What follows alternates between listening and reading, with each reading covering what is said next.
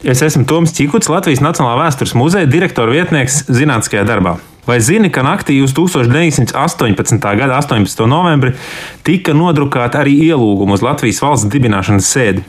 Lai gan Latvijas valsts dibināšana ir viens no bieži daudzinātiem Latvijas valsts vēstures notikumiem, tomēr tikai pēdējos gados kā tāds īpašs dārgums novērtēt kāda apmēram 8x10 cm maza, necila papīra kartiņa ar uzdrukātu uzrakstu ieejas karte kas Latvijas muzejā zinām tikai vienā eksemplārā. Kā izrādījās, tas ir valsts dibināšanas laika notikumu liecinieks.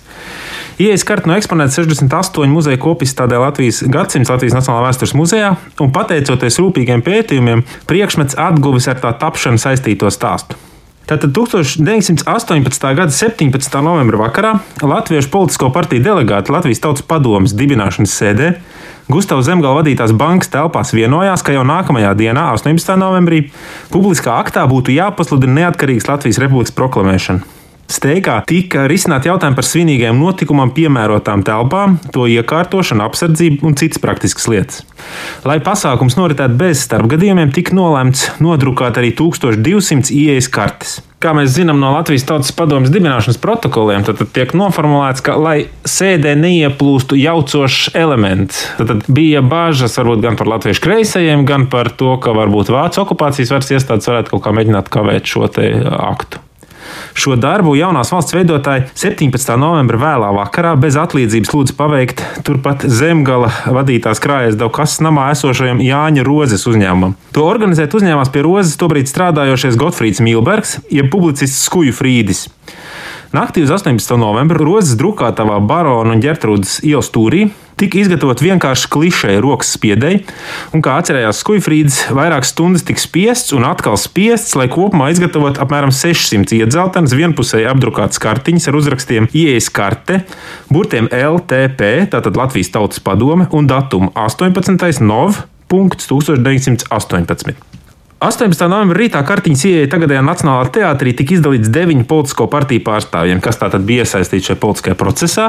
Otrakārt, tātad viņu uzaicināt viesi, tostarp nu, dažādu latviešu inteliģences pārstāvjiem. Mēs zinām, ka šo aktu bija uzaicināts arī Krišāns Barons, piemēram, bet viņš nevarēja ierasties.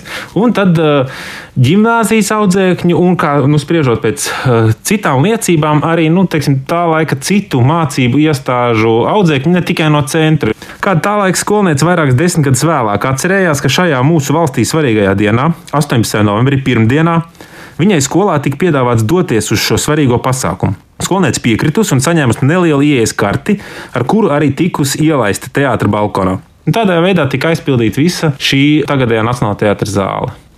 Vienīgā Latvijas Nacionālā vēstures muzejā saglabātā ieejas karte nākus no kādas pensionētas trimdas latviešu skolotājas Marijas Rutmanas, taču kartes ceļš pie viņas nav zināms. Priekšmetis muzejā savulaik nodevis viņas aprūpētāji.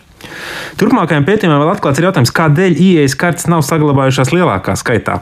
Lai arī cik dramatiski pavērsieni sekoja tuvākajos mēnešos, notikums tomēr bija svarīgs, un to apzinājās arī tā dalībnieki. Varbūt kartiņa likteni noteica tās pieticīgais izskats. Iespējams, ka arī vienīgais zināmais eksemplārs, ja vien tam nebūtu uzrakstīts zīmīgais datums, 18. novembris 1918, arī nebūtu nonācis muzeja speciāls redzeslokā. Taču šobrīd noteikti varam to saukt par vienu no svarīgām Latvijas valsts vēstures relikvijām ar aizraujošu tapšanas stāstu.